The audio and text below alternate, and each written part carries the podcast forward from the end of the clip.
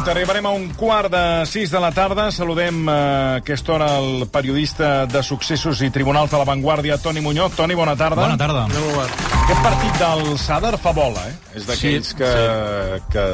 Dos quarts de deu, Sí, dit? sí. Un dimarts. I a. Pamplona, que I a deu fotre una rasqueta. Déu-n'hi-do, eh? Saps d'aquests partits ja que dius... I és, a més, és l'últim. L'últim, abans del Mundial. Abans del Mundial, aquest Mundial que ens cau aquí al mig, vull dir que, que tremendo. Per cert, eh, el Toni Muñoz, que és, com dèiem, periodista de successos i tribunals de la Eh, li explico amb ell, els oients que ens segueixen ja ho saben, hem incorporat un equip d'investigadors al programa, Ui, perquè bueno, mejor, això dels, dels, dels crims i d'aquest tipus de coses estan, sí. eh, estan a l'ordre del dia. Treballen finet, aquests, eh? Exacte. I, eh, atenció, perquè a partir d'avui teniu el segon cas, a RAC més 1, de crits. Crímenes, secuestros, robos, palizas callejeras, xenofobia, maltrato de animals, abús de género, de menors i de tota mena. La investigació de l'Emili Solsona i l'Aureà Lledó, la segona investigació a RAC més 1, eh, en el cas que ens ocupa, aquesta segon, aquest segon podcast, és el cas de l'acompanyant menor. El cas de l'acompanyant menor. A RAC més 1, eh, en parlem amb ells el divendres i són gent, de moment, que No, ens, no, està, demo- sí, ens estan sí. demostrant eh, la seva Fi, solvència, sobretot solvència contrastada. Treballen finet. Gent que patrulla i que es dedica a resoldre casos que la policia, Sí, Toni Muñoz, sí, sí. no resol o no actua. O sigui, no arriba la policia, arriben ells. Ah, exacte. Ells posen la foscor on no cal, on no cal posar-la. Bé, entrem en matèria amb el uh, Toni Muñoz perquè fa res, uns minuts hem conegut que les famílies Millet i Montull que ara, parlant a micro tancat amb el Toni Muñoz, em deien... Jo pensava que estaven fora, que estaven, és a dir, que estaven no. cadascú a casa seva, i, i em deies que no, que estan a la presó. Sí, sí, estan a la presó, tant Fèlix Millet com Jordi Montull. De fet, Fèlix Millet va demanar l'indult, no li van concedir. Va demanar el tercer grau, tampoc li van concedir. I en el cas de Jordi Montull sí que li havien concedit la Junta de Tractament de la Presó. Eh, va sortir uns dies, eh, en fi, va tornar a casa seva, mm. i després el jutge va revocar aquest tercer grau Fixa't. perquè considerava doncs, que, que, no, que no calia aquesta semillibertat i que havia de passar la condemna doncs, a la presó. Ja. I l'última notícia que tenim és que allà segueixen, si, si no va xerrat, la veritat. Mm. Bé, el cas és que les famílies han pagat 11 milions i mig d'euro dels eh, d'euros dels 23 que van desviar del Palau de la Música. No obstant això, cap dels dos ha pagat la multa de 2,9 milions que els va confirmar el Tribunal Suprem l'abril del 2020. La pregunta és, que vas dir feia micro tancat el Toni Muñoz, aquests diners que de cop i volta han aparegut... Bueno, és de la família, ja ho Bueno, diu la família. Bueno, ja, Préstems però se demanen. Sí, home. no, però vostès ho saben? No, ja home, preus són Va, jo li pregunto eh? al Toni Muñoz, que és l'expert en la matèria. D'on surten ara de cop i volta 11 milions d'euros com aquell que té què té jo? Un xupa-xups a la cartera. Bé, doncs això bàsicament són de tots els béns que els hi van embargar quan els van enxampar l'any 2009. Però si estan embargats... Estan embargats vol dir que no pots disposar. No? Clar. Bueno, i no els pots vendre, doncs ara eh, estaven immobilitzats, diguéssim, per la justícia, i ara doncs els han recuperat i se'ls ha quedat la justícia. Eh, Després això entrarà en un procés de subhasta i quan es transformi en diners, doncs els ingressaran. Mm. Ara han ingressat ja 12 milions d'euros de tot el per- patrimoni. Però, Ja ho- disculpa, ja ho disculpa, un moment, disculpa, però aleshores no, ells no, no han ingressat, No. la família, 11 milions d'euros. Ells posen a disposició del jutjat tot el que eren els seus béns. Val. O sigui, Clar, del que els hi va... Això és interessant d'explicar-ho, important. És a dir, del que, es va, el, del que va immobilitzar la justícia, ara la família diu, de tot això que teniu que és nostre, o era nostre, us ho donem No exactament. Ah. És a dir, el, el procediment és, a l'any 2009, quan confessen Jordi Montull i Fèlix Millet doncs, que van saquejar eh, el Palau de la Música, en, en un primer moment van parlar de 3 milions d'euros, Sí. després quan van començar a estirar el fil van arribar a 23 milions Ah, d'euros que es van poder acreditar. Qui diu Se 3 sos- diu 23. Sí, no, i se, sí. i se sospita que van ser Mateix. 40, però clar, que molts dels diners els treien en efectiu, això no s'ha 40? pogut, no s'ha pogut rastrejar, 40. eh, seguir el rastre dels, dels diners. Al final, com han intentat rescabalar tot això? Doncs a partir de les propietats que tenia Claro, Fèlix Millet, claro, claro. Jordi Montull, les seves filles i tot això, Mobles, doncs, en un primer moment ho van immobilitzar. Ara, quan ja hi ha hagut la sentència, que va ser l'any 2018, concretament el gener del 2018, aquesta, aquest procediment d'execució de la sentència es va posar en marxa. I aleshores és, aquestes, eh, es torna a tassar, o, a o sí, es fa una aparició, Sí, sí, diguéssim, una- una- per saber quin és l'import exacte de totes aquestes propietats, i aleshores es posen a subhasta. Quan es entren a subhasta i les venen, aquests diners ja passen directament al jutjat. Això seria, bàsicament, el, el que ha passat mm. fins ara. Mm. Quants diners s'han recuperat? 12 dels 23 que es van acreditar que havien eh, saquejat. Per tant, ara encara en falten 11 per, per ser I d'on sortiran aquests 11? Doncs sortiran doncs, de la resta de propietats que encara no s'hagin venut o que tinguin immobilitzades o... O sigui, encara en queden Pobre més per... Encara en per... queden, sí, sí. Passa que avui Pobre el. Tribunal Superior de Justícia de Catalunya i el seu departament de premsa ens ha facilitat aquesta dada en què l'Audiència de Barcelona es felicita, es congratula que mm. tres anys després han pogut recuperar ja 12 milions d'euros que no van a la justícia, sinó que el que fan és tornar-los a les institucions de les quals Ah. van ser saquejades Al Palau. per Fèlix... Ah, Exacte. Està bé. Pobra Exacte. gent, el que els estan fent, des de luego. Ells que ho van donar tot, que I primer, tant, no, clar, és tu, veritat, tu raó. treballes per una, una institució, lògicament, Pobre doncs, eh, eh, tens el teu dret a agafar una miqueta, perquè tampoc Però, hi bueno, quantes teu hores- temps, eh? quantes hores si no té la teva vida, que Ara- volques en fer una cosa per, ara- per la gent. Estem que menys una, una, una miqueta no, eh? 20, 23 milions 23 d'euros. eh, acreditats, Bueno, eh? I Sí. què facturaven? Sí, sí, home, que li explica el Toni. No, sí. a, a, hem de dir, doncs, per, per, eh, en fi, per quantitats, eh, Fèlix Millet ha tornat, suposada... Bueno, no, és a dir, que ha tornat, allò Sí. que, que té ja en mans de la justícia, són 6 milions d'euros. Després, Jordi Montull, 1,6 milions. Fixa't, Eh, 3 milions d'euros la, la dona de Fèlix Millet i les seves filles, fixa't. val, que són les hereves, vull dir, perquè la seva doncs, sí. dona va, va morir.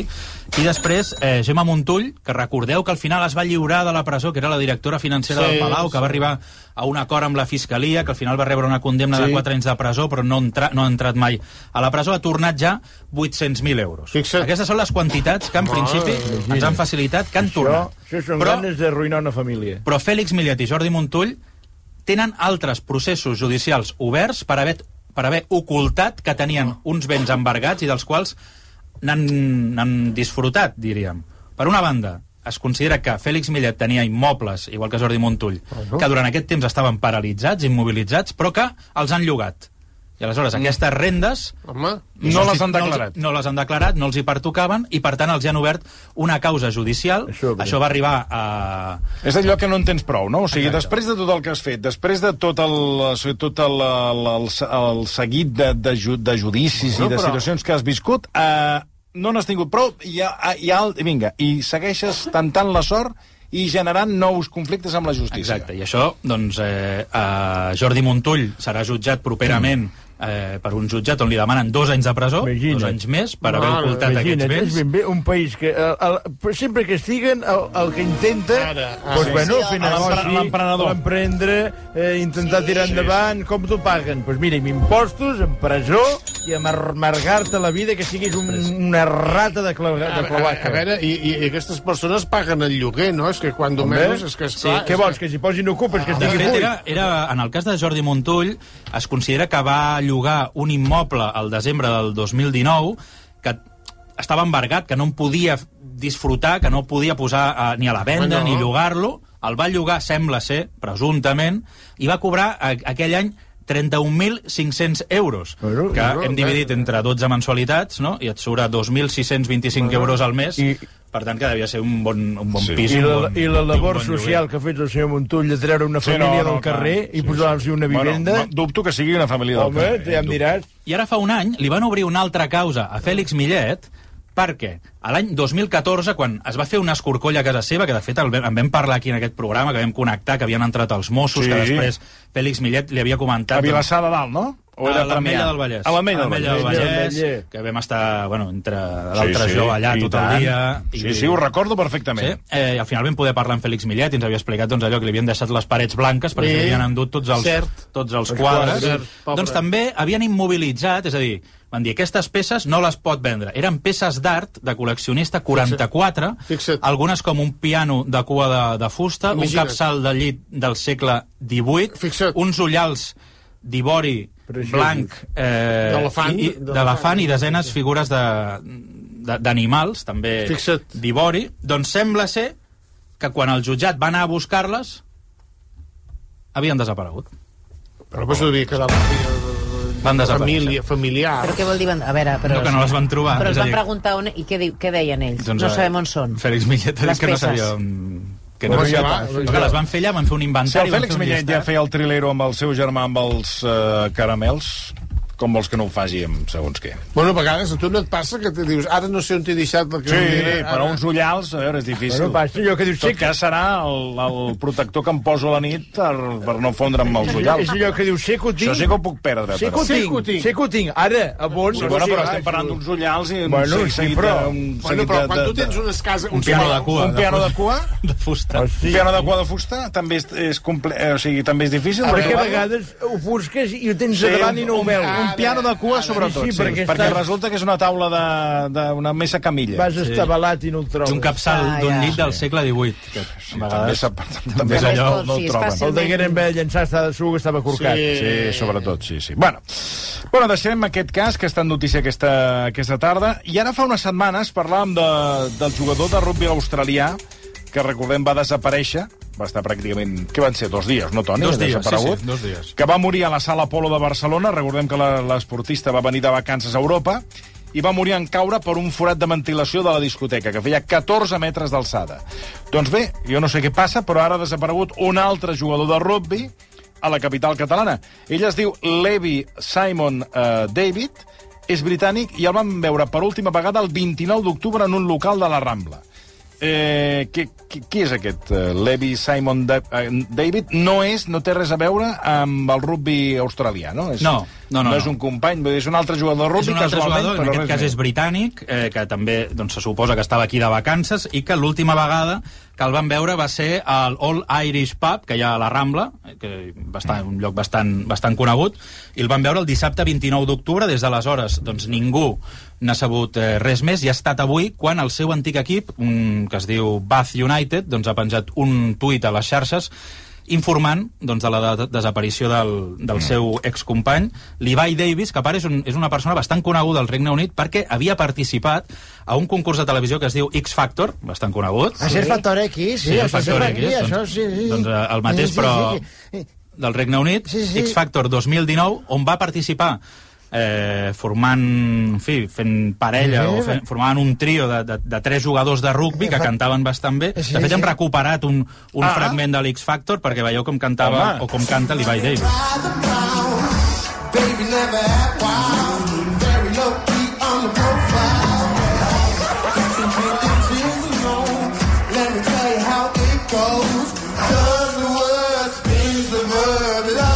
banda de jugador de rugby, artistes. També és artista, sí, sí, havia participat, ja et dic, a aquest programa Factor X, i què se sap? Doncs hem parlat amb els Mossos d'Esquadra, ens confirmen doncs, que han rebut aquesta informació a les últimes hores, que sabien de la desaparició d'aquest noi eh, aquí a Barcelona, però que formalment no han rebut una denúncia per part de la Ah. família, creuen que la rebran a les pròximes hores. molt Eh, aquesta desaparició doncs, ha generat un cert enrenou al, al Regne Unit. De fet, el diari The Sun ha recollit una informació, en fi, unes declaracions de la mare de Levi Davis, que simplement deia doncs, que fa dies que no en sabien res, que estan bastant preocupats perquè és el que li pot haver passat i que a les properes hores doncs, presentaran una denúncia per intentar trobar-lo. Per tant, ser se li ha perdut la pista a Levi Davis aquí a Barcelona, a l'Irish Pub, el passat 29 d'octubre. Per tant, ara ja fa uns quants dies que... que Tot no passa a. Barcelona, jo no Sí, sé tot, què passa, tot, tot, però tot. escolta, és Ah. que, és que tot passa... Trepitjant merda. A les Rambles ja deu ser Bueno, ja començo a pensar que sí. Trepitjant merda. sí, Home, ja fa temps que t'ho vaig dient i ningú fa cas. Bé, avui el Toni Muñoz eh, ha pogut parlar amb l'Ismael Molina, el jove que va matar el seu pare durant un brot esquizofrènic i també amb la seva mare i la seva germana. Què, què, què t'ha explicat? Quin, qui, i, I no sé eh, com has pogut parlar amb ell. Doncs mira, a mi hi ha una cosa que em, si us explico una mica la intrahistòria de tot això, perquè a vegades eh, a l'Ismael Moliner el vam poder sentir eh, també en aquest programa Sí, i al llarg d'aquestes tres setmanes en el judici que s'ha celebrat Sí. a l'Audiència de Barcelona. Recordem que el jurat popular finalment doncs, va exculpar qui era la principal acusada, una noia qui s'acusava d'haver induït a l'Ismael a que acabés matant el seu pare, una noia doncs, que suposadament va manipular-lo mentalment fins a fer que acabés complint la seva ordre de matar el seu pare. Això finalment no es va poder demostrar, el jurat popular doncs, va exculpar aquesta noia i l'Ismael Molina va considerar doncs, que tot, bueno, com que havia tingut aquest brot esquizofrènic, doncs el considerava una persona eh, que no podia ser condemnada, sinó perquè simplement no era conscient del que feia. Però a mi hi ha una imatge doncs, que em va, bueno, em va colpir al llarg d'aquestes setmanes, quan he assistit al judici, i és que l'Ismael, malgrat haver matat el seu pare, doncs va estar acompanyat durant totes aquestes sessions de la seva família, de la seva mare, de la seva germana, dels seus amics, que clar, al final la seva mare i la seva germana tenen una doble condició, és a dir, no només són la família de l'Ismael, sinó que també són la, la dona i la, i la filla Clar. del, del difunt. I per tant, a mi aquest suport doncs, que sempre li havien donat a l'Ismael és una cosa que em va, em va, no sé, em va colpir molt, em va impactar moltíssim, no? I vaig proposar-los de dir, bueno, anem a parlar, m'agradaria parlar sobre això, com heu portat, com, heu, com us heu enfrontat a aquesta situació. Clar, és una, una situació brutal, molt dramàtica, no? I van accedir a parlar amb mi, eh, i per, també, per una banda, doncs, estan una mica decebuts pel resultat d'aquest veredicte, no? perquè al final simplement el que acaba passant és que acaben culpant únicament, diguéssim, a l'Ismael, com, o a la seva malaltia, però és igual, al final l'únic culpable, l'única persona doncs, que hauria matat... Sí, sí, aquí, aquí va ser el mater... aquí va materialitzar l'assassinat. Efectivament, i això doncs, estan una mica decebuts perquè ells consideren doncs, que l'altra acusada tenia molta més responsabilitat de la que finalment li han atribuït. Jo vaig parlar amb l'Ismael eh, i em va explicar que, clar, ell recorda... Tot això, ell s'ha estat sotmetent a un procés de 3 anys de tractament. Ell va estar primer al centre psiquiàtric de Sant Boi, després ha estat dos anys i mig a la presó de Brians, concretament al mòdul psiquiàtric, on ha estat acompanyat de molts professionals que l'han ajudat doncs, a estabilitzar la seva malaltia, a intentar recordar què és el que va passar, a posar ordre entre el que era real i el que no ho era, i finalment doncs, ell tres anys després va, va sortir en llibertat, concretament l'11 de març de l'any 2022, d'aquest any, està amb la seva mare, se sotmet a uns controls periòdics ambulatoris, vull dir que està controlat per professionals, i ell ara mateix és capaç de diferenciar el que era real del que no ho era i recordar doncs, què és el que va passar en tot, aquell, en tot aquell temps. Ell, recordem, va acabar amb la vida del seu pare el juny del 2019, suposadament perquè ell complia una mena de missió, ell Sí. es va pensar que formava part d'un grup secret d'agents de Mossos d'Esquadra i li havien explicat, la seva amiga, doncs, que el seu pare era un mafiós, que posava en perill la seva família i que s'havia d'acabar amb la seva vida. Ell, finalment, doncs, a- amb aquest brot que se li va eh, desencadenar, va acabar cometent aquest crim. Ell explica doncs, que en aquell moment, o no té el record de ser ell qui fa, perquè diu, ell, jo sense un brot esquizofrènic no hagués comès mai un crim. Yo lo que siento, la sensación es de que no era yo, es decir, exacto, que era como otra persona lo que lo hizo. Pero si luego es que es mirarte la mano y decir, no, no, es que la cicatriz la llevas tú, ¿sabes? Y dices, y tienes en tu memoria los recuerdos de todo lo que pasó. Es decir, eh, es un choque entre realidades, porque realmente piensas que no. Obviamente la parte racional está clara, ¿no? Así tú, con un antipsicótico y tal y cual. Pero la parte emocional cuesta más que hacerte. Y entonces ahí es donde entra el tema de la culpa. Porque la culpa siempre va a estar ahí. ¿eh?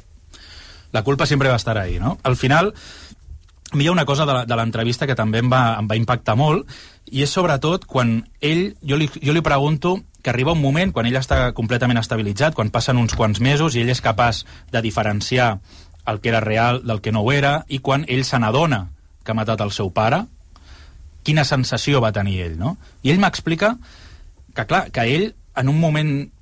Arriba un moment que se n'adona que ha matat el seu pare, però també que tot allò que ell pensava que era real no ho és. Per exemple, aquella nòvia virtual Sí. que ell tenia, no? recordem doncs, que la seva amiga durant molts mesos es va fer passar per una altra noia amb qui acaba tenint una relació virtual fin, i ja, eh, quan, diguéssim, la seva malaltia ja està eh, desencadenada, ja s'ha desfermat, ell fins i tot doncs, creu, o li fa creure que té dos fills amb aquesta, amb aquesta persona, dos fills que no ha vist mai, tampoc ha vist mai a la seva nòvia virtual, però ell arriba un moment que és, ell creu que, que els té, no? Aleshores, quan li preguntes, hi ha un moment que tu ets conscient d'això, no? que has matat el teu pare, i diu, sí, sí, que jo he matat el meu pare, però que també que no tinc una dona, que no tinc fills, i tot això és un xoc per ell. Ahí son muchas cosas de golpe. O sea, realmente o sea, es un proceso de duelo al final. Mm, o varios abiertos a la vez, llámalo como quieras. Pero al final, cuando tú coges, lo primero, pues te das cuenta de que no, eres padre, no tienes tu pareja, no tienes tus hijos, para empezar. Luego te das cuenta de que de que, tus, de que hasta, tus amigos no iban en contra tuya. Porque en toda la historia mis amigos eran parte de una mafia y tal, y van en contra mía, no. Que luego una persona que tú tu hermana, como era Alba, em, pues no, que no, que te ha traicionado, que, que no nunca ha sido tu amiga y que realmente lo único que ha hecho ha sido aprovecharse de ti. Lo más importante, que, que has matado a tu madre y era una persona inocente. Y eso, asimilar todo eso, pues es como, bueno, mm, es un proceso que lleva mucho tiempo. No, no, clar, és això, és aquest procés que porta l'Ismael durant 3 anys treballant amb psicòlegs, amb psiquiatres, també amb l'ajuda de la seva família, que no l'han no abandonat mai, i, clar, també li preguntes a la mare, no? És a dir, com ho han portat tot Sí, això? sí, el que anava a preguntar. I la mare i la família, com... Perquè, clar, eh, estan els dos... Eh, és víctima i estan al costat de, també del, del, del, de l'acusat, no? Sí, la mare em va dir una frase, que no, no podrem escoltar el tall, però que ell, ell al final el que explica és que ella tracta el seu fill com un malalt, no com un assassí. Ja. No? És a dir, al final, ella, sobretot el context en el que ho posa, diu, és que el meu fill estava malalt. I a part, hi ha un punt més... Ella va, se sent una mica més ressentida, diguéssim, amb, el, amb com ha acabat el procediment judicial. Perquè aquí hi ha una cosa que és evident. És a dir, quan una persona eh, té una esquizofrènia, no? i a vegades té deliris, aquests deliris moltes vegades són provocats per la teva pròpia ment.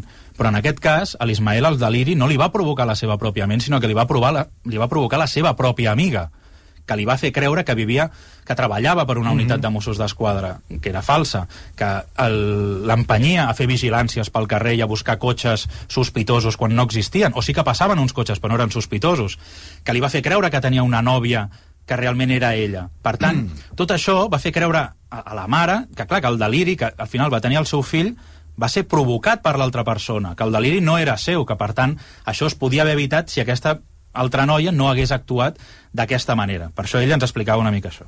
Quizás si algo no hubiese estado y él hubiese tenido algún brote psicótico, hubiese sido un brote psicótico, pero de otra manera.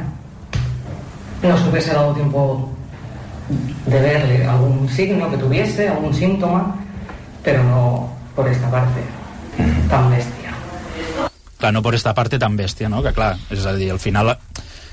Aquí també passa una cosa, i és que tots... Eh, ningú era conscient que aquest noi estava tenint un deliri, no? Perquè, clar, és a dir, els missatges que li enviava aquesta suposada nòvia existien. Els seus pares els veien, els missatges. El que no sabien que era la seva amiga o que era una persona que no existia, suposadament. Però, clar, tot, tothom formava part d'aquest deliri perquè ningú et pot dir tu estàs inventant, no, no, però que aquests missatges són reals i això és el que fa que aquesta història sigui fi, tan, tan singular i tan, tan trista, no? La veritat. Anem amb un cas que resol, en resol els Mossos d'Esquadra, que han detingut dos sospitosos d'un assassinat que va tenir lloc a Honduras. A veure, explica'ns perquè la investigació estava aturada, però es va reactivar eh, gràcies, en aquest cas, als Mossos. Van rebre informació sobre els sospitosos a través de Facebook. Com, com, com va anar la història? Doncs mira, això és una, una història en què es demostra a vegades la força de les xarxes socials. Els Mossos d'Esquadra tenen un compte a Facebook i allà, el mes de març, van rebre una informació anònima o d'un usuari que deia que hi havia dues persones que havien comès un crim a Honduras que estaven a l'Hospitalet. Un simple comentari així. Aleshores, els Mossos d'Esquadra... O sigui, als Mossos els hi va arribar aquesta informació. Aquesta informació.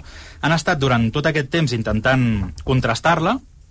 Finalment l'han contrastat, es van posar en contacte amb la policia de- d'Honduras, que els hi van dir efectivament que s'havia comès un crim, que no tenien ni idea que hi havia els dos Però sospitosos. el crim s'havia comès a Honduras. S'havia comès a Tegucigalpa, a una... I ells a, estaven aquí. I ells estaven Estaven aquí. fugits aquí a l'Hospitalet. Sí, sí. I aquesta altra persona va dir aquests, aquestes dues persones que han comès aquest crim a Estan Tegu- aquí. estan aquí, a l'Hospitalet, concretament al barri de Pobilla Cases. I per tant, els Mossos comencen a estirar del fil, pregunten a la policia d'Honduras a través d'Interpol si, si havia, havia passat això, han dit, van dir que sí, van dir que no sabien que estaven a territori català, se'ls van posar a buscar i els han trobat. Finalment, el passat 1 de novembre van detenir aquestes dues persones. Es tracta de dos nois de 22 i 29 anys que haurien comès un crim a Tegucigalpa, haurien clavat un ganivet a un altre home, no s'han explicat els motius del perquè d'aquest crim, quin seria el mòbil del crim, però un cop haurien comès aquest crim, haurien marxat cap a l'Hospitalet, cap a tot Catalunya. fa cap per, aquí, eh? Cap És que- per, és que tot, eh? Per És un- recollir. Eh, Catalunya té un Bin pol d'atracció sí, sí, tot, tot, tot, tot. que tot, tot va a parar Tot a va Catalunya. per aquí. És curiós. És que hasta de Tegucigalpa, que dius, eh, com és Bueno, sí, possible? sí, no, clar, si, venen de, si, si, si van passar els, els, de, els del... Sí. Si van- Mohamed Atta. Mohamed Atta va passar per tot, Tarragona, tot, com tot. vol que no vinguin de, de, de, de, Sí, de és Tegucigalpa o d'altres És llocs. que no me'n sé venir. Però va venir la policia d'allà o els van No, no, aquí, home, aquí. Un ja ha ingressat a la presó, l'autor material del crim, a l'espera de ser extradit a, a Honduras. Tot cap aquí. Sí, sí. Ho arrepleguem tot. Ara, Ai, ara, això. ara. Bueno, ho repleguem o miri... Menys la loteria ens toca tot aquí. Sí, bueno, ens toca moltes coses. Bé, avui ho deixarem aquí. Uh, Toni Muñoz, moltíssimes, moltíssimes A gràcies. vosaltres. Uh, ens hem posat al dia del que deuen i no deuen uh, Montull i, i Millet. La gent de destrossar la vida, I eh, tant, luego. i tant. Bueno, també Vols- se l'han- destrossat ells Vols fer mateixos, un bé eh? per la cultura i, i, tant, i d'allò, i i, tant, sí. si t'ho paguen. Va, serà això. Eh, Toni Millor, repeteixo, moltíssimes gràcies. Fem una pausa eh, i tot seguit con, eh, continuem i ho fem de celebració perquè hem de celebrar Què? allò amb, amb, Sí, amb, amb sí, cava, sí. amb fanfàrria, Sí, sí, com sí. es mereix l'èxit del patinatge artístic, curiosament, d'on viu el Guillem Estadella. Ah? De Cunit. Versió RAC 1.